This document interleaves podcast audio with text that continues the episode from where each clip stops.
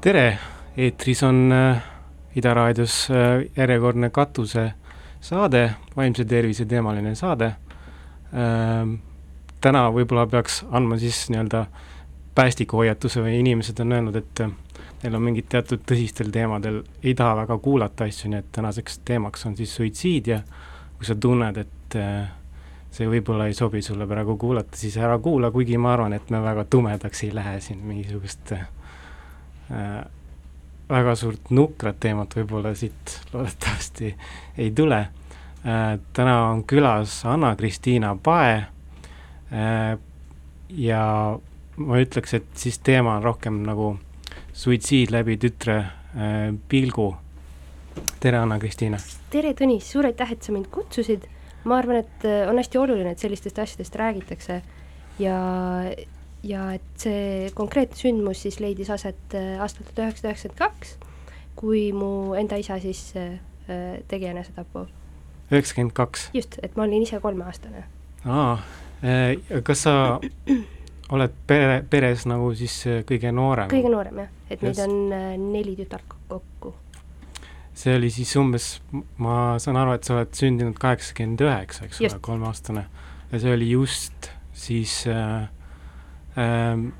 vabariigi nii-öelda uue vabariigi alguses, eks ole. just, et tol ajal see vist isegi oli üsna suureks probleemiks ka, et päris paljudel inimestel oli kuidagi terve see elukorraldus muutus ja nii palju uusi nagu teistmoodi surve oli kuidagi hakkama saada või rohkem nagu olla keegi või kuidagi kehtestada ennast võib-olla ja siis no üheksakümnendatel jah, vist oli see nagu rohkem päris palju no, inimesi seda jah, seda oli ka viimases äh, Müürilehes oli Aet Annistki, andis intervjuus, et äh, Nõukogude Liidu lag-, lagunemisega nagu kaasnes hästi palju äh, ennetatavaid enesetappe, ehk mm -hmm. siis noh, sotsiaalne lagunemine, eks ole, uus algus, ei tea, mida teha mm, -hmm. suurem võimalus alkoholismi langeda mm -hmm. ja mhm. nii edasi. ma muidugi ei tea ja ega ei eelda, et sul isa nagu alkoholism või, või midagi, aga ka näiteks statistikat ma vaatasin, et et kõige suurem enesetappude arv oli Eestis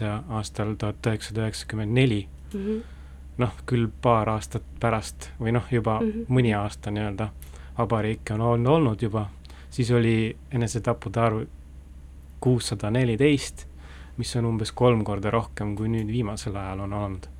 ja seda on ka põhjendatud sotsiaalsetel noh, rasketel tingimustega. Aga võib-olla siis siit selline küsimus, et sina kui nagu mingi isikliku loo kandja, eks ole mm, -hmm. kuidas sa äh,, kuidas sa suhtud sellisesse sotsiaalsesse tõlgendamisse, ehk siis äh, on mingi statistika eh, toodud välja põhjused Eh, miks inimesed äh, kas just nagu peamised põhjused, miks inimene enese enesetapu teeb, vaid on üritatud põhjendada nagu neid enesetappusid mingite sotsiaalsete mm -hmm. oludega. aga sinul on nagu isiklik lugu, kas sa näed, et need nagu klapivad või ei klapi omavahel? oleneb nüüd kindlasti statistikast, et mida seal täpselt nendeks põhjusteks on välja toodud, et ma arvan, no näiteks et... kas või seesamune sotsiaalse, senise sotsiaalse korra nagu lagunemine mm, -hmm Äh, teadmatus tuleviku ees mm, -hmm. fina-, noh, majanduslik olukord mm -hmm. ja nii mhm. edasi mm. -hmm no minu isikliku loo puhul on kindlasti see teadmatus tuleviku ees võib-olla see üks nendest põhjustest, miks, miks see juhtus ja aga muidu ma arvan, et see oli kindlasti seotud sellega, et nagu nende ühiskondlike hoiakutega, et, et isa oli väga selline tundeline inimene ja, ja võib-olla kui tol ajal oleks olnud see nii-öelda normaalne, et minna psühholoogi juurde, siis ta oleks kindlasti sellest välja tulnud, et see oli kindlasti lihtsalt äh, segu pikaaegsest depressioonist ja siis sellest, et lihtsalt elus tekkis selline ummikseis. ja mm -hmm. siis ta tundis, et tal ei ole nagu väljapääsu ja siis see juhtus niimoodi. kas sa tead ka, noh, sa olid nii väike ilmselt äh, äh kes sulle tegelikult rääkis ja millal üldse? seda, mis juhtus yeah.. Ma nagu natuke mäletan, mida ema rääkis mulle, millest ma ei saanud üldse midagi aru, et ta midagi sellist, kuna emal endal oli raske, ema oli see, kes ta leidis mm, -hmm. siis ma nagu noh, üldse väga austan teda, et ta nii tugev oli ja, ja üsna selge, selgelt ja kainelt kuidagi võttis seda ja oli alati nagu hästi töökas ja tubli ja kasvatas meid kenasti üles aga see, kuidas ta mulle rääkis seda, see oli selline natuke kummaline, siis ta nagu ütles, et isa läks nüüd taevasse ja enam tagasi ei tule ja siis mind nagu kummastas see, et mis mõttes ei tule tagasi, et ta nagu tihti käis kuskil tööreisidel või midagi tegi ja kuskil reisis ringi, tuli ikka tagasi, siis ma ei saanud sellest kontseptsioonist nagu üldse aru, et eh, mida see nagu surm tähendab või midagi sellist ja siis ma arvan, et mingid esimesed aastad ma veel nagu veits, veits ikka lootsin, et äkki ka tuleb tagasi või äkki see oli mingi segadus või et, et võib-olla oleks olnud nagu natuke parem nagu kuidagi mingi konkreetsem seletus, mitte et ta nüüd kuskil taevas, siis ma kujutasin ette vist, et ta on kuskil umbes väikse tähe sees, kuskil tal on oma tuba või midagi niisugust. no jah, aga seda peab ka nagu tunnistama, et lapsevanemana on ikka väga keeruline ja, seda oma väiksele lapsele rääkida. sul ja. õed võib-olla nagu said võib-olla paremini aru sellest või? ma arvan küll jah, et nad olid nagu kõik vanemad minust, et, et võib-olla neile nagu seletati natuke teistmoodi, et võib-olla oleks lihtsalt isegi olnud lihtsam, kui keegi oleks seletanud seda, et, et see ongi nagu surm, et sealt ei tulda tagasi, aga et nagu keegi tegelikult ei tea, miks ei tulda. minu jaoks oli nagu ebaloogiline see, et kõik teised nagu said aru, aga mina ei saanud aru, miks mm. -hmm. nagu võib-olla see, et see on pigem just nendele, et kui keegi teine peab samas olukorras seletama seda, et kuidas minu pilgu järgi see oleks kõige lihtsam, et nagu seletada kuidagi, et lapsel tekiks lõplikkus selle küsimusega just kas sul nagu praegu on tekkinud mingi lõplikkus, sa ütlesid, et sa enam-vähem nagu noh, panid praegu nii-öelda paika enam-vähem, et see oli pikaajaline depressioon ja mingisuguse seletuse sa oled nüüd pannud sellele, eks ole, aga millal sa selleni jõudsid nagu? et nagu enda jaoks või enda jaoks, et sa läbi mõtlesid, et noh, et miks isa tegi, see ilmselt see küsimus nagu mm -hmm. võib-olla ma arvan, et jääbki õhku, eks ole jah, eks see on selline väga pikk protsess ja minu jaoks ma arvan, mingi hetk ma, mul endal oli ka selline raskem aeg ja siis ma läksin psühholoogi juurde ja siis mind see aitas väga, sest väga hea psühholoog oli, kes kuidagi töötas läbi need mingid asjad, mis olid lapsepõlvest veel jäänud, sellised. mis eas sa läksid psühholoogi juurde? kusjuures paar aastat tagasi alles. et tegelikult see hilja. vindus ikka nagu see probleem, et siis ma arvan, ma saingi niisuguse lõpliku selle, et nüüd ma nagu ei, ei ela seda nii väga niimoodi läbi enam, kui ma võib-olla keskkooli ajal no või, sa tead või..., see on ikkagi suhteliselt pikk, pikk aeg, aeg, mis jah. nagu vindumine käib, eks ole mm. -hmm. aga äh... ma arvan, et näiteks teised õed, kes ei ole käinud, nendel oleks ka võib-olla vaja käia. kes on isegi vanemad ma arvan, et kõigil on vaja käia mm. -hmm. mingi aeg kuskil mm. -hmm. ma olen seda ikka öelnud inimestele, et kui nad tunnevad, et on mingi probleem, siis äh, ära karda minna nagu psühholoogi juurde ka väiksema asjaga mm. -hmm. et noh, et äh, ikka veel on mingisugune vastumeelsus inimestel ei taha minna ma ähm. selle teemaga seoses guugeldasin ka nagu seda teemat üleüldiselt ja siis nüüd ma lugesin, et on näiteks lastele niisugused leinalaagrid, et ma arvan, näiteks mulle võib-olla oleks küll olnud niisugust asja vaja, et kus oleks kuidagi koos arutatud neid teemasid, et meil no, nagu ajad on muutunud yeah,, leinalaagrid yeah., see kõlab juba nagu väga heaoluühiskonna moodi. et tore, et sellised asjad ja, on, et mina väga kiidan seda, et et minu jaoks natuke keeruliseks lapsena või miks see nii kauaks jäi minuga, oligi see, et kuidagi nagu räägiti ära, et see toimus ja siis sellest üldse ei räägitud enam kodus. nagu isegi isast ei räägitud mingi vähemalt mingi viis aastat nagu üldse, sest noh, ma saan aru, emal oli ka, ma kujutan ette, depressioon sellest mingil määral, aga no, ta lihtsalt peitis seda nagu meie mm. eest see on ka nagu... nimetatakse neid leina eri, erinevateks mm -hmm. faasideks igast, eitus ja mm -hmm. kurbus ja viha ja, ja lõpuks leppimine.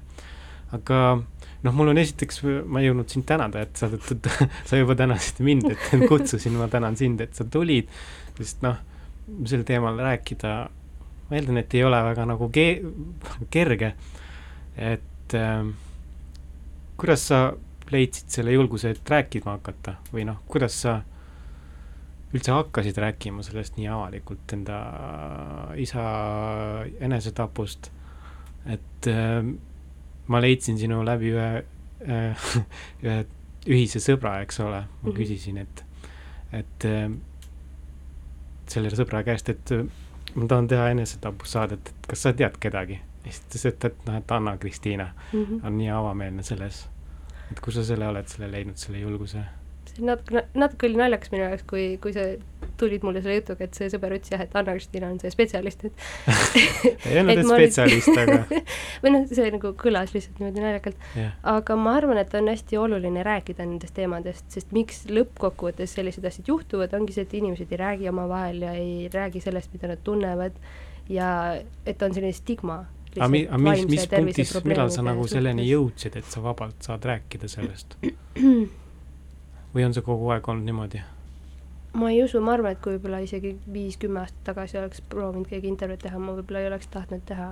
aga ma arvan võib-olla see, et viimasel ajal, kuna mul tuli eelmine aasta, selle aasta alguses tuli luulekogu välja, siis ma pidin hästi palju esinema ja siis ma olen võib-olla rohkem harjunud sellega, et ma lihtsalt räägin millestki, mis on mulle oluline. et võib-olla sellest on rohkem julgust ka. no kindlasti ehm,. kuidas, kas ähm,, mis vanuses su isa oli muidu, kui ta enesetapu tegi? kolmekümnendates. kolmekümnendates? ma ei oska jah, kolmekümnendates. kuskil seal keskel? lõpupoole, aga jah, et jah, kolmekümnendates. et äh, noh, see on ikkagi väga vara, eks ole mm -hmm.. noh, mitte, et enesetapp kunagi oleks nagu õige aeg et aga ma mõtlen seda, et äh, mul on olnud tuttavaid, kellel on ka vanemad äh, ennast tapnud mingites, mingis eas ja siis need lapsed on nagu kasvanud selle ea poole ja neil tekib kuidagi mingi selline ma ei tahaks öelda ebausk või siis mingisugune mm -hmm. närvilisus sees, et nüüd ma jõuan sellesse samasse ikka, nagu mu isa mm -hmm. või ema oli, eks ole. kas sul sellist tunnet on olnud? ma ise ei ole selle peale mõelnud, aga üks mu vanematest õdedest on küll öelnud seda, sest tema on minust just vanem ja ta on enam-vähem täpselt samas eas. ja siis tema küll mainis seda jah, et, et nagu veider, et ma olen täpselt sama vana ja siis ma ütlesin nagu, et vahet ei ole tegelikult ju see on lihtsalt number. no seda nagu, küll jah, jah.. aga et võib-olla kuna ma ei ole ise veel jõudnud sellesse, siis nagu mul ei ole nagu sellist nagu ebausku selle suhtes. aga kas sa arvad, et näiteks sellesse ikka jõudes sa nagu justkui võib-olla paremini mõistad oma isa, kes oli samas eas? kuna ma ei ole kunagi täpselt olu-, selles samas olukorras, ma arvan, mis tema oli, sest tal oli yeah. väga keeruline olukord eh, nii tööalaliselt, nii finantsiliselt kui ka perekonnasiseselt. Et ma arvan, et need olid kõik need asjad, et kui mul oleks võib-olla kõik needsamad probleemid, et siis ma oskaks mõista, et ma ei usu, et see selle vanusega nii väga seotud oli. pluss lisaks temal oli veel nagu, teeb veel mormiitsemaks selle jutu, see, et kui tema oli ülikoolis, siis tema isa tegi enesetapu, et temal oli see kuidagi see, et ta elas seda nii läbi ja siis ma olen üsna kindel, et see on hästi suur mõjutaja selle tema enda selle teo puhul. nii et see asi läheb kaugemale. jah, jah, et see on niisugune, ma mäletan kunagi ma käisin äh, geenianalüüsi andmas ja siis ja. seal, seal pead nagu kirjeldama oma sugupuud ja siis noh, et miks nagu inimesed surid siis, siis ma nagu hästi nagu julgelt kõik rääkisin, mis oli ja siis see arst oli ka nagu vaatas mind siukse näoga, et oh jumal peaks, küll kas, kas sa peaksid ka arsti minema jah, nagu, et äh, jah, et, et ma arvan, et minu isa puhul see oli ka hästi oluline, tema nagu suur eeskuju tegelikult ju tegi sama. jaa ähm, no ma mõtlen ka selles mõttes, et kui sa jõuad sellesse ikka, võib-olla sa nagu ma ei tea, äh, vaatad kindlasti sellele asjale teisiti, kui sa näiteks teismeline olid, et äh, sa rääkisid, noh, meili, meilist või Facebookist tuli välja nagu, et sul teismeeas vist oli suurem teema selle iseenesetapuga. sellepärast, kui ma olin väike, siis nagu ma enne ütlesin, ma ei saanud nagu päris täpselt aru, mis see tähendab, mis surm üldse tähendab ja, ja nagu ma arvan, et ma ei võtnud seda nii tõsiselt kui näiteks mu teised õed või ülejäänud perekond, et ma olin lihtsalt laps ja mulle loodi selline üsna turvaline keskkond niivõrd, kui nende võimaluste raames oli mhm. võimalik. et mul oli nagu hea lapsepõlv ja mul oli väga-väga hea vanaisa, kes oli nii-öelda nagu isa figuuriks, ma arvan kindlasti, ja toeks, kes nagu isegi nagu teadlikult, ma arvan, arvestas sellega, et olla nagu rohkem olemas mm. -hmm. aga siis, kui ma sain nagu teismeliseks, siis ma arvan, mul tekkis nagu see, just see küsimus nagu miks ja nagu niisugune teismelise võib-olla häng ja selline nagu viha või nagu viha nagu selle olukorra vastu, viha võib-olla ema vastu, noh, kõigega nagu, et miks nagu, et ma ei saanud sellest aru ja siis nagu, et mul oli endal olid, olid nagu vaimse tervise probleemid, et mul oli depressioon, mis oli ka seotud nagu võib-olla koolikiusamisega tegelikult et ma ei ütleks, et see kogu depressioon on nüüd seotud sellega, et, et isa tegi enesetapu, et ma arvan, et seal oli hästi palju erinevaid tahke. Te,. teismepõlves on aga... ka üsna normaalne nii-öelda, ma näitan, ma näitan siin näppudega. Jutumärke. Et, et aga et ma arvan, et see oli üks asi, mis võib-olla võimendas seda või siis nagu ma natuke olin nagu isegi, et oh, et see on niisugune cool nagu või noh, aga siis elasin seda nagu läbi, et noh, et jah, et ma olen niisugune special nüüd sellepärast, mida ma nüüd üldse ei arva, aga noh, võib-olla mingis vanuses küll nagu. kuidas sa tolles vanuses nagu, kas sa mäletad, kuidas sa tõlgendasid seda? nagu mis valguses, kas sa selles, nagu et ma üldse ei, ei saa aru ja siis on äng või sul mm -hmm. on nagu mingisugused oma mingid äh, teooriad või mõtted sellega seoses? kuidas nüüd mõelda, et tol ajal, ma arvan, et tol ajal ma hästi palju nagu puutusin hästi palju võib-olla sellise kirjanduse ja muusikaga kokku ka, mis oli võib-olla natukene isegi suitsiidi idealiseeriv mm. -hmm. ja siis, siis tekkis selline hoopis teistsugune vaate, vaatenurk nagu sellele, et, et vau wow,, et nagu lahe või nagu selline nat-, natuke isegi selline ennasthävituslik, selline tundus niisugune äge mingi teema või nagu kogu see asi, et ma arvan, et siis oli võib-olla selline, selline mõttelaad kas, kas sulle see, selles eas oleks ka olnud võib-olla, no kas sa ütlesid, et sul on depressioon, kas sa otsisid abi tol hetkel?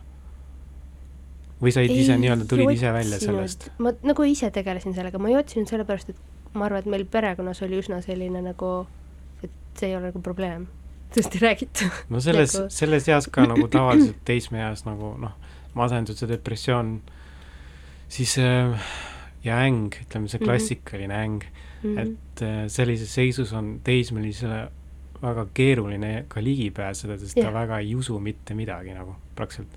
või noh, raske on nagu psühholoogil talle li ligi pääseda mm. -hmm. et äh, mis kuidas, kuidas oleks sul näiteks selles eas, kas, kas sa olid nagu suhteliselt kinnine inimene tol ajal või? ma arvan, et äh, olenes, kellega ma suhtlesin. et võib-olla kui ma pikaajaliselt suhtlesin kellegagi või kellega ma nagu tabasin ära, et ma olen nagu sarnase ühise keele leidnud, et siis ma suutsin nendest asjadest rääkida. et mingi hetk ma mõtlesin näiteks selle peale, et, et ma olin nagu otsinud endale kokku mingi sellise pundi sõpru, kes ei olnud võib-olla sealt kohalikust väiksest kohast, kust ma pärit olen, aga kes olid nagu sarnaste huvidega ja siis päris mitmel neil oli nagu sarnane olukord olnud näiteks, et üks vanematest oli ära surnud, ma mingi hetk hakkasin mõtlema, et ma ei valinud, valinud neid üldse sellepärast, et aga et neil kõigil oli nagu see, et ühte vanemat näiteks ei olnud. see on see, et sa veide. nagu avad ennast äh, rohkem, kui teistel on äh,, noh, teised on enam-vähem samamoodi meelestatud, võib-olla mm -hmm. samamoodi ängis või depressioonis mm. -hmm et äh, võib-olla keegi vanem inimene ei pääsekski ligi nii hästi kui näiteks samaealised sõbrad. et see on hea, et nagu on need olemas mm, -hmm. et sul olid olemas. jah, et et tänu sellele, et koju interneti, internet pandi, siis sel-, tänu sellele ma arvan, ma sain päris palju mm. abi. mis kelle... aastad need olid umbes? millal no, koju internet pandi? kahe tuhandete, kahe tuhande kümnendate alguses. enne seda ikka? juba üheksakümmend midagi. ei, ei kahe, kahe, ei mitte nagu kahe tuhandendate nojah, tähendab, vabandust, jah, kahe tuhandete keskel ikka mitte kahekümnenda. see oli juba nagu ülikoolist mööda. aasta noorem, ise nii palju noorem ka ei ole muidugi.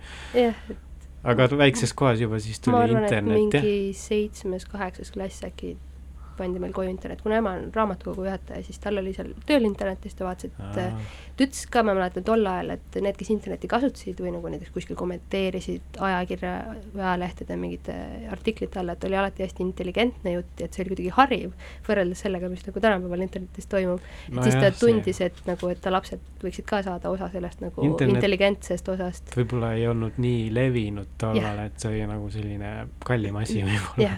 nüüd on nagu noh inflatsioon yeah. või midagi sellist ma ei taha seda öelda. aga teismeeas, näiteks selles ängieas, sa rääkisid nagu kirjandus ja muusika ja mina mäletan nagu noh, klassika on Albert Camus, eks ole mm, -hmm. kelle põhifilosoof, kes on öelnud ka, et noh, et filosoofia ainus tõeline probleem on enesetapp mm. -hmm. ja tollal oli siis äh,, sai vähemalt mina sain luge-, lugeda seda raamatut äh, Sisyphuse müüt.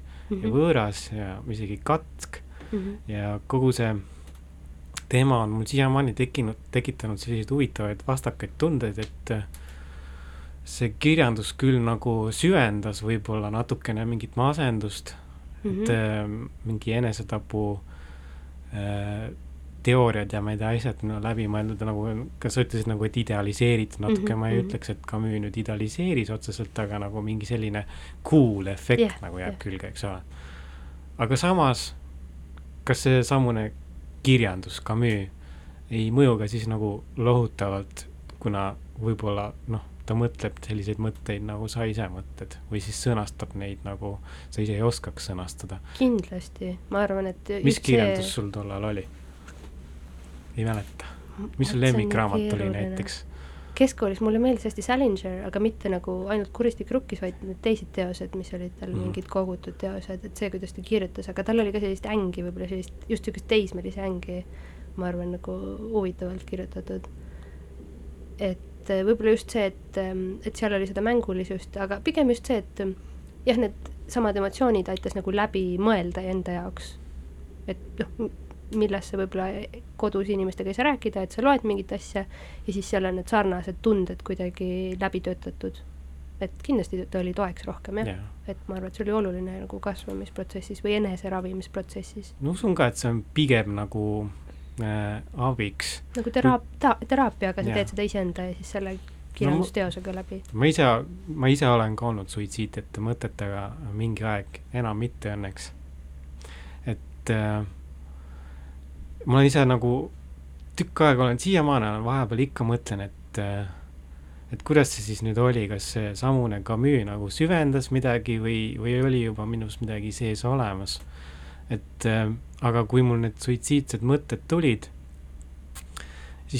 tundus see filosoofiline nagu aru, arutelu Mhm. enesetapu üle kuidagi elukauge või nagu mm -hmm. ei Mhm. olnud üldse nii intim, intiimne, vaid oli teoritiseeritud, mingi Sisyphos veeretab kivi, mis on nagu üldine nagu, ja siis on äh, mingid välja toonud kategooriad, eks ole. et kuidas Mhm. sa, kuidas sa näiteks äh, sina kui isiklikult nagu puudutatud enesetapust, kuidas sa nagu vaataksid sellist filosoofiat, kas ta on sinu jaoks nagu tundub olevat elukauge, mingi intiimsuse kaotanud või, või need asjad ikkagi nagu enam-vähem käivad koos või noh, nad ei ole kontrastis üksteisega? oleneb, mis, mis seal filosoofiliselt parasjagu öelda tahetakse, et ma arvan, et seal oleneb, et kas sul on mingi haakumispunkt selle tekstiga või sellega, mida öe- öelda tahetakse, ma arvan mm. -hmm. et kui sul võib-olla see, kui sinu see põhjus on nagu natuke teistsugune, siis võib-olla ongi raske sellega nagu suhestuda. et iga kirjandusteosega, ma arvan, on nagu lihtsam kuidagi sellega suhestuda, kui sul ongi seal mingi haakumispunkt jah, et pigem võib-olla asi selles, et mina ise, ise olen nagu enda jaoks seda mõelnud päris palju läbi muidugi seda teemat. Ja kuna mul on endal nagu vaimse tervisega, et ma olen ise nagu selgeks saanud, et mul lihtsalt ongi nagu madalam serotoniini tase ja siis ma nagu teengi enesega tööd, et ma käin nagu, teen trenni või söön tervislikult ja proovin nagu tervislikult elada.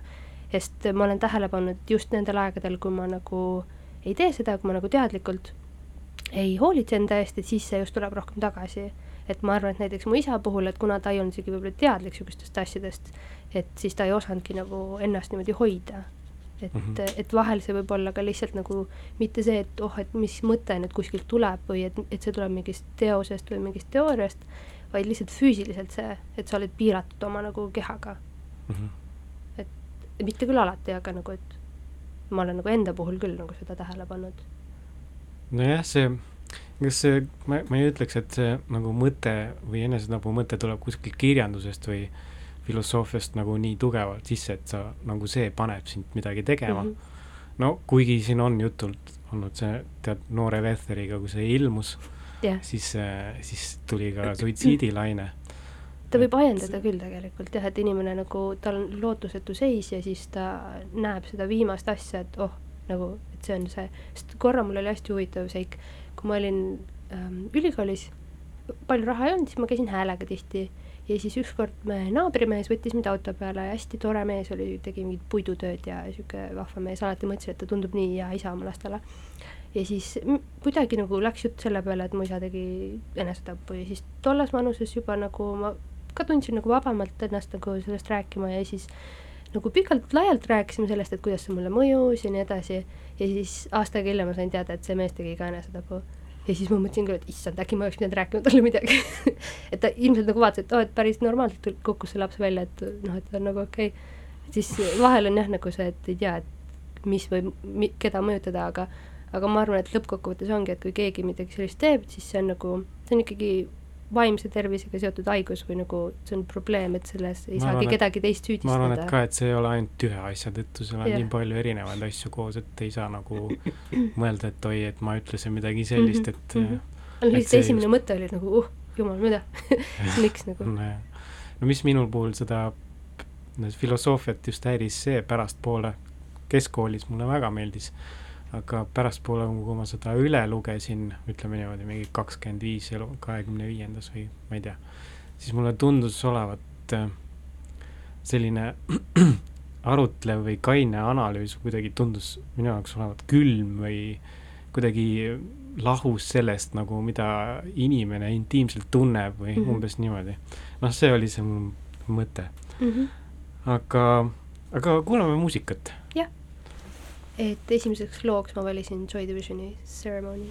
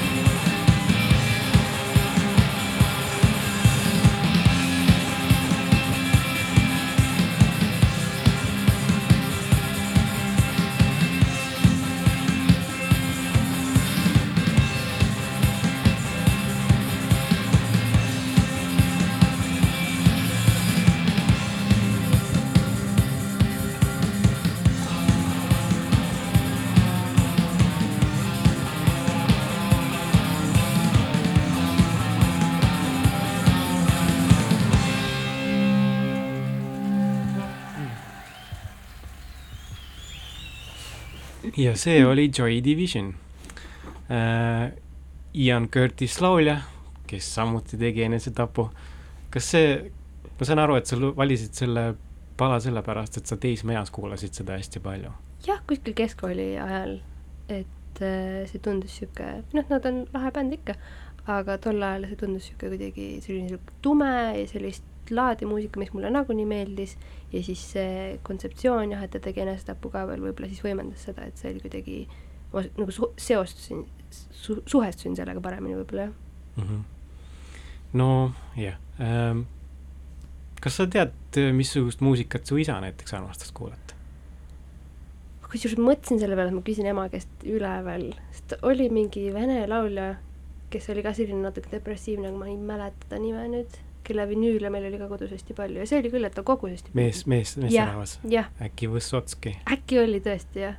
jah, võis et olla küll. eh, see tollal kaheksakümnendatel hästi äkki populaarne, mu isal on ka mingi hunnik Võssotski albumeid. nojah, ta on ka suhteliselt masendav vahepeal. et Kuigi- äkki, äkki see tüüp ja siis äh, lisaks isal oli hästi suur vinüülikogu, et ta käis äh, vahepeal tööreisidel ja siis ta tõi ikka nagu vinüüle ja no ema, ema ka tõi, et nad mõlemal oli see ühine hobi või huvi. kas sa vahepeal oled nagu kuulanud mingit muusikat ja mõelnud, et võib-olla see oleks isale meeldinud või? see on küll huvitav küsimus. võib-olla, võib-olla tõesti, kuigi see muusikamaitse on nii erinev, vaata, aga nagu ei oska nagu kujutada ette, et mis võiks meeldida. aga võib-olla küll jah, et, et ta rääkis ka väga hästi inglise keelt, et ilmselt küll talle oleks osa muusikast meeldinud, mis mina kuulasin ja Mhm. ma lugesin äh, Värske Rõu intervjuust, et sa ütlesid, et tal oli ka absoluutne kuulmine, et ta Mhm. mängis nagu klaverit. ja et nendel tema vanemate kodus oli klaver ja ta oskas väga hästi mängida, aga kahjuks mina nagu väga ei mäleta seda, sest meil Mhm. kodus otseselt ei olnud klaverit. sa väga ei saagi mäletada Jah. seda. et mul mingid mälestused on, mul on, mu esimene mälestus on tegelikult see, et ma istun äh, isa loeb ajalehte ja siis isal on jalg üle põlve ja siis ma istun nagu seal jala peal, no hoian põlvest kinni ja siis ta loeb ajalehte. See ongi vist kõige esimene mälestus päike paistab, sihuke hästi positiivne Mhm, mhm. mälestus. Äh, sa ise oled õppinud ka muusikat? ei ole, ma käisin kunstikoolis, et mulle anti nagu valida, et kas ma tahan muusikakooli või kunstikooli minna, et aga siis mul sõbrannad õppisid muusikat ja siis kogu see solfedžo asi tundus nii kohutav, nagu sellepärast nad rääkisid sellest ja siis ma mõtlesin, et ai, ma lähen kunstikooli, nüüd ma mõtlen küll, et võib-olla oleks võinud, aga samas nagu ma olen nüüd see inimene, kes ma olen ja võib-olla oleks teistsugune muidu. kas kunstikool äh, oli ka mingit laadi nagu näiteks äh, teraapiline väljund su jaoks? kindlasti, et ma päris alguses ei saanud sellest võib-olla aru, sest esimesed aastad oli natuke raske, aga siis, kui nagu kuidagi tekkisid, tekkis mingi selline parem nagu tunnetus, siis äh, esiteks see, et see, see oli midagi sellist, mida ma tegin nagu, mida ma tahtsin teha, et kui ma koolis käisin, siis ma käisin seepärast, et pidi käima, aga kunstikool oli jah, selline nagu esimene nagu, et ma lõin midagi, et see oli loominguline eneseväljendus. ja lisaks mul oli ka tohutult hea õpetaja, kes tegelikult on ka nagu psühholoogiat õppinud ja siis ma arvan, et tema oli ka nagu kuidagi suunas mind väga hästi ja toetas, et ma olen alles nagu hiljem sellest aru saanud, kui, kui suur tugi temast oli tegelikult. kas sa oled äh, hiljem ka nagu kunstiga tegelenud edasi või joonistanud või midagi ma pigem tegelen võib-olla fotokunstiga, ah,? Mm -hmm. et, et ma arvan, et joonistamise puhul peab hästi palju keskenduma sellele ja see võtab hästi palju aega, et mul ei ole seda aega ja siis ma kuidagi tahan ennast väljendada, siis ma kirjutan luuletusi ja siis ma teen fotosid. aga millal sa luuletusi kirjutama hakkasid? see on hea küsimus.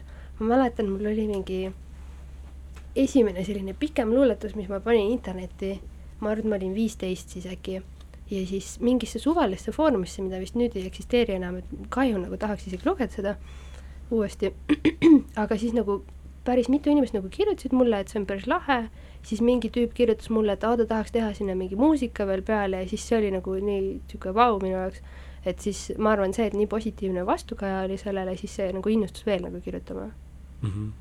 äkki ma ähm,, sul tuli ka raamat läbi Lindudeta Kevad, raamat välja, mitte läbi, vabandust see ilmus vist kevadel, sel, sel kevadel. jah, jah, et see väljaandmine natukene venis, et lõpuks siis jaanuaris vist tuli välja või no. ma saan aru, et sa oled nagu pikemat aega kirjutanud, aga see on sul mm -hmm. debüüt, eks ole mm -hmm.. noh, ma ei ütleks, et hiline debüüt, paljud inimesed on alustanud ka neljakümnendates ja nii edasi, aga äh, mul on ühe luuletuse, ma loodan, et ma ei rapi ära seda enda, enda et esi, ettekandega. see on kohe esimene luuletus Pihtimus. Mu isa on Tuhamäe jalamilt on minuski tuhka veel peidus. tuhka armastan palavalt, tuha sees huugab mu nõidus. kui rääkida oskaksid okaspuud ja vanad kulunud astmed, klaver, vaikus ja rööbaspuud, akordion ning keelekastmed. Nad võiksid siis mulle kõnelda, kuis mäe seest hulkus hingi, kes oskasid ainult sõnelda ja valusaks hõõruda kingi. Ja sellest, kuis kevadel kuulata võis lindude õrnu mažoore, kus tuul sai tubadest tuulata ja jälgida hobuvoore. ma isegi Tuhamehe jalamilt olen korjanud väikeseid õisi, olen armastanud kurvalt ja paravalt isa ja ennast ja teisi. nüüd on see, see hetk, et äh, mul, ma tean luuletajana ise, kui imelik see on, kui inimesed hakkavad biograafilises nagu võtmes sinu tekste nagu -hmm. analüüsima. kirjandusteadlased üritavad teha seda võimalikult kainelt mm. -hmm. nagu sa ilmselt tead, sest ma saan aru, et sa ise õppisid kirjandust mingi mm -hmm. aeg. astusid vist aasta pärast mind kirjandust Võimalik. õppima. noh, aga ma ei, kuigi ei mäleta sind ülikoolist. no ühesõnaga, see selleks.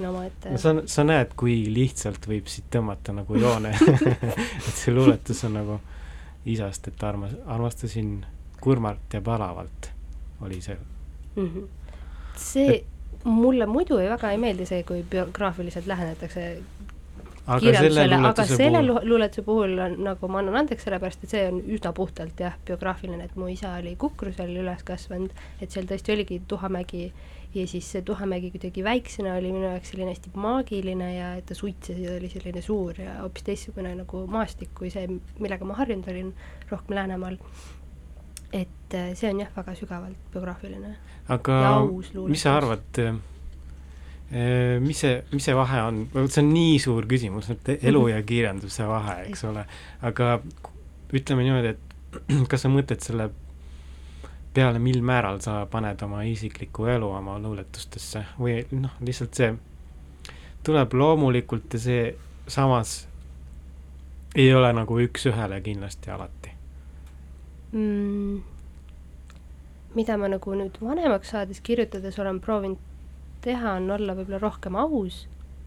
isiklikum ka selle võrra. selle võrra, et ma arvan, et seda võib-olla nendes uuemates tekstides, nagu ka see on pigem uuem tekst, siis on rohkem, et kui ma võib-olla vanasti kirjutasin rohkem, siis ma kasutasin lihtsalt mingeid sõnamänge ja, ja mingid nagu mis lihtsalt kõlas lahedalt võib-olla aga nüüd see on nagu rohkem nagu segu sellisest äh,, sellest, mis ma nagu tõesti tunnen.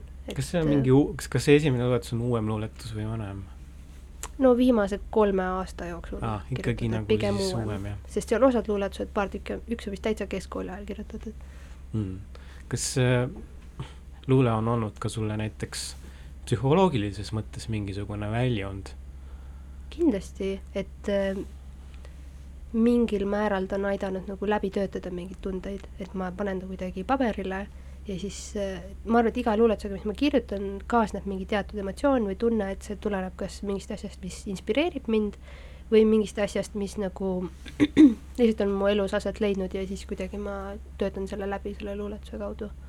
aga samas näiteks, kui keegi lähedane tuleb küsima, et mis sa seal, seal kirjutasid seda ja seda, seda, mis sa ikka mõtlesid selle all, kuidas ükskord, ükskord ma kirjutasin ühe üsna sellise tumeda või nagu depressiivse luuletuse ja ma tihti panen nad lihtsalt nagu alguses Facebooki ja siis ema kirjutas, et kas sul on ikka kõik hästi siis ma nagu, et ema, et see on lihtsalt luuletus, et, et, et kõik on hästi, vaata, et, et jah, oleneb, kuidas küsitakse, et mm. väga nagu üldiselt ei juleta küsida. kas see on nagu lihtsalt luuletus ikkagi siis? tol momendil, kui ma kirjutasin selle, see oli, aga, aga oleneb täiesti luuletusest, jah oleneb mul nagu sellest meeleseisundist too hetkest, mul on nagu see, et ma tean, et osade luuletuste puhul ma kipun liiga nagu ilusaks neid tegema ja siis mind ennast häirib see. ja siis ma teen neid mõnikord tumedamaks selleks, et nad oleksid nagu rohkem tasakaalus nagu tekstina, et ta ei oleks selline, et nagu mingid valged ebemed ja kõik on niisugune kaunis ja luuleline nagu poe- mm, -hmm. et ma olen noor poetess. et mulle väga ei meeldi see nagu, see osa luulest, aga ma kasutan seda ikkagi, sest nagu see on ka mingi osa minust aga siis ma üritan seda luuletust alati teha kuidagi selliseks huvitavamaks või nagu, et seal oleks mingi teine maailm ka. mulle, no ma ise kirjutan ka viimasel ajal väga palju isiklikku, aga ma teen seda kuidagi fiktiivses võtmes võib-olla mm, -hmm. aga samas on tunne isiklikult kirjutades või noh, üha ausamalt siis, et äh, midagi justkui nagu oleks kaalul, et kui näiteks see luuletus ilmub, siis nagu midagi juhtub minu isiklikus elus. kas sul on selline tunne olnud, et või et kui ma nüüd selle luuletuse avaldan, et mm -hmm. võib-olla siis äh, suhtub minu ja teiste inimeste suhetes midagi? on küll mõnikord olnud, seal näiteks selle lu luuleraamatu kõige viimane luuletus on hästi selline autobiograafiline, hästi selline, paljudele inimestele see meeldib, see luuletus, sest see on selline pikk ja selline tugev aga siis, kui ma seda nagu sinna raamatusse panin, siis ma mitu korda seda muutsin veel, võtsin mingeid asju ära ja tegin teda natuke lihtsamaks, sest nagu kuidagi sellega oli nagu mingi niisugune taak. aga siis lõpuks, kui selle raamat sai valmis ja see sai nagu minu käest läks ära, siis kuidagi oli just hea kergendus, et ma ei peagi nagu sellega üldse tegelema enam, et see ongi nüüd nagu läinud, see ongi viimane rekka mm. -hmm. kas su isa oli ka kirjanduslembene inimene? see on hästi huvitav küsimus, ta luges hästi palju küll ja ja siis, kui ma raamatut hakkasin välja andma, siis ma sain oma tädiga kokku, kes on siis isa-õde. ja ta rääkis, et kui isa oli sõjaväes olnud Venemaal, ta oli kuskil raketibaasis, ta oli üsna tugeva niisuguse reaalteaduste põhjaga muidu ja siis, siis tal oli seal palju vaba aega vahepeal ja siis ta oli kirjutanud luuletusi seal. mina näiteks niisugust asja üldse ei teadnud aga kas siis, sa oled neid luuletusi näinud ka? ei ole, tädi ütles ka, et need olid tal kuskil olemas, aga siis need jah, kadusid kuskile ära. aga et olid ka sellised melanhoolsed, aga ta, tema arvust nagu ka üsna nagu tugevad kujundid osad, et, et ta arvas jah, et ju sealt, sealt tuli see. no mõnikord noh, eriti teismeeas öeldakse, et noh, et kõik kirjutavad, eks ole mingeid luuletusi. aga ja siis osad nagu jäävadki kirjutama. -hmm. aga kui sa kirjutasid näiteks selle esimese luuletuse, mis ma just äh, sulle et-, sul nagu ette lugesin praegu mm. -hmm. äh, kas sa mõtlesid ka seda kirjutades nagu kuidas isa võiks reageerida või, või et see on nagu talle pühendatud? see oli huvitav, ma olin tegelikult Londonis, kui ma kirjutasin selle, elasin seal tol ajal ja siis ma vaatasin ühte dokumentaalfilmi mis oli Ida-Virumaast, ma nüüd ei mäleta selle nime, aga üks mu sõber tegi sellele muusika ja siis ta alguses saatis mulle selle muusika ja siis, kui see, kui see nagu valmis sai, siis ta saatis mulle selle filmi lingi ja siis ma vaatasin seda filmi ja siis see muusika ja siis kuidagi see tõi nagu tagasi kõik need mingid lapsepõlvemälestused. et ma otseselt ei mõelnud küll, et mida nagu isa sellest mõelda võiks, aga nagu see oli nagu väga tugevalt küll nagu, et nagu isast mõeldes kirjutatud, jah mm. Sa ütlesid, okei okay,, ma veidi võtan teise teema, siis sa mm -hmm. ütlesid, et sa olid, elasid Inglismaal, eks ole mm. -hmm. Äh, kas sa panid seal tähele ka mingit erinevust äh, suhtumist, eri, nagu suhtumist äh, depressiooni või vaimse tervise teemadesse, kas, kas mingisugune, kas need teemad kerkisid seal Inglismaal esile ja kas äh, inglased näiteks äh, suhtuvad sellesse kuidagi erinevalt kui eestlased või, või ei ole seal erilist vahet? ma arvan, et võib-olla mingi suurem tugivõrgustik on küll nagu sotsiaalsel tasandil, et on rohkem nagu inimesel on kergem minna psühholoogi juurde minu arust. see on võib-olla siis pikema aja jooksul välja kujunenud kui Eestis. just, just, et on näiteks nagu erinevate, erinevatel firmadel on omadel, näiteks on mingi psühholoog või inimene, kelle mm -hmm. juurde sa saad minna, mida võib-olla Eestis väga ei ole, on ainult koolides äkki no koolides on koolipsühholoogid, kui on hästi mm. -hmm. on ka sotsiaalpedagoogid mm, -hmm. seda sai ka eelmises saates räägitud, ma teen reklaami -hmm. kuulajatele eelmine saade oli koolipsühholoog Maili Tireliga mm, -hmm. soovitan kuulata. Äh, kas sinu enda töökohas praegu on näiteks mingi tugiisik?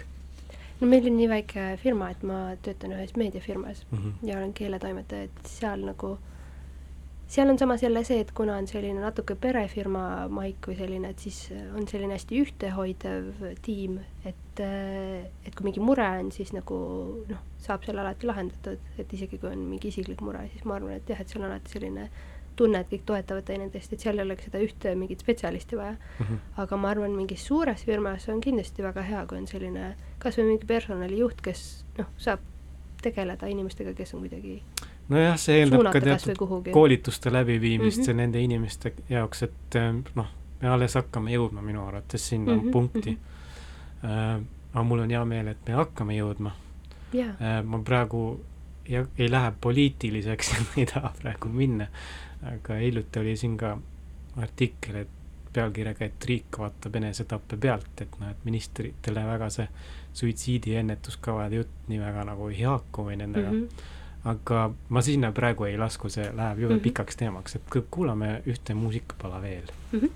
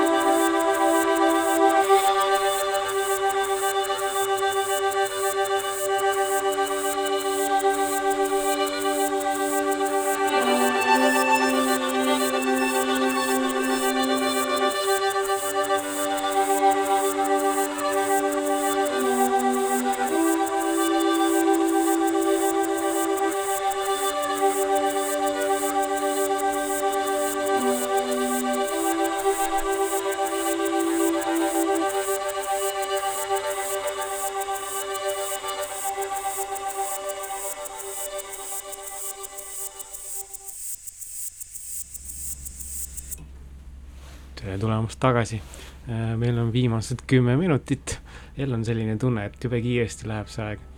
Äh, lõpetaks mingi üldisema teemaga, et kindlasti ei ole isa, isa enesetapp ainus nagu mingi negatiivne või sellise intensiivsusega sündmus sinu elus, mis on sind mingil määral määranud või üles ehitanud mm. -hmm. et ma olen täiesti kindel, et sinu elus on veel juhtunud halbu asju, eks ole aga on ka juhtunud kindlasti väga palju positiivseid asju.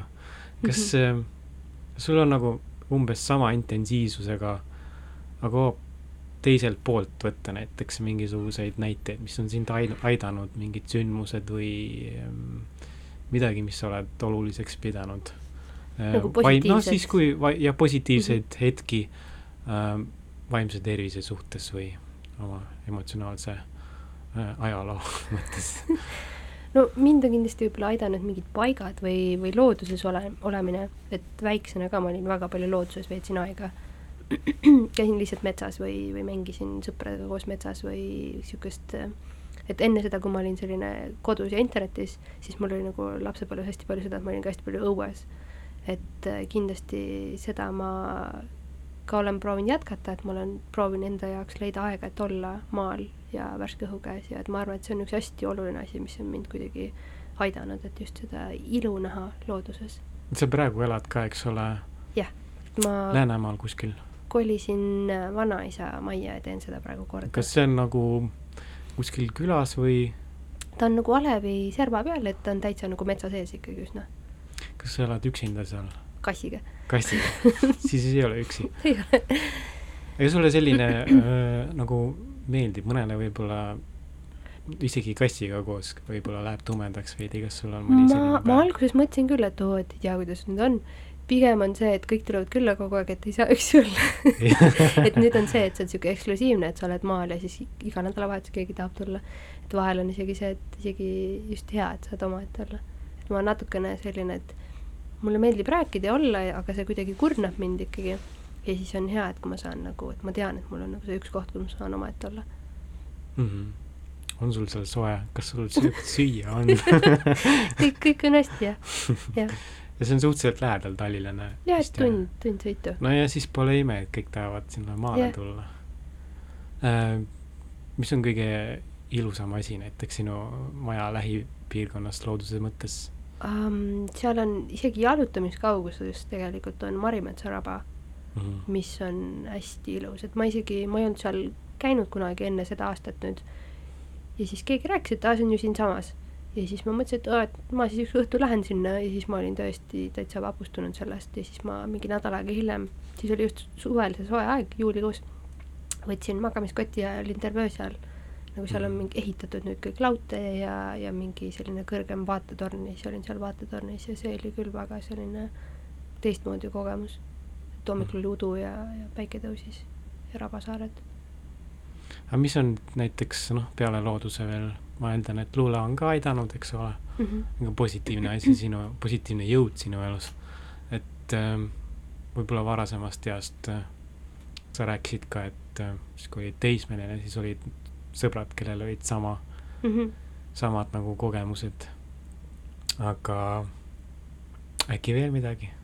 ma arvan, võib-olla kui ma olin noorem, siis oli hästi suur tugi oli näiteks just vanaisast, et me kuidagi leidsime hästi ühise keele, tihti olime emapoolne vanaisa, jah. ja, ja ma suviti olin tihti temaga koos ja tal oli väikse laiu peal on selline nagu suvekodu.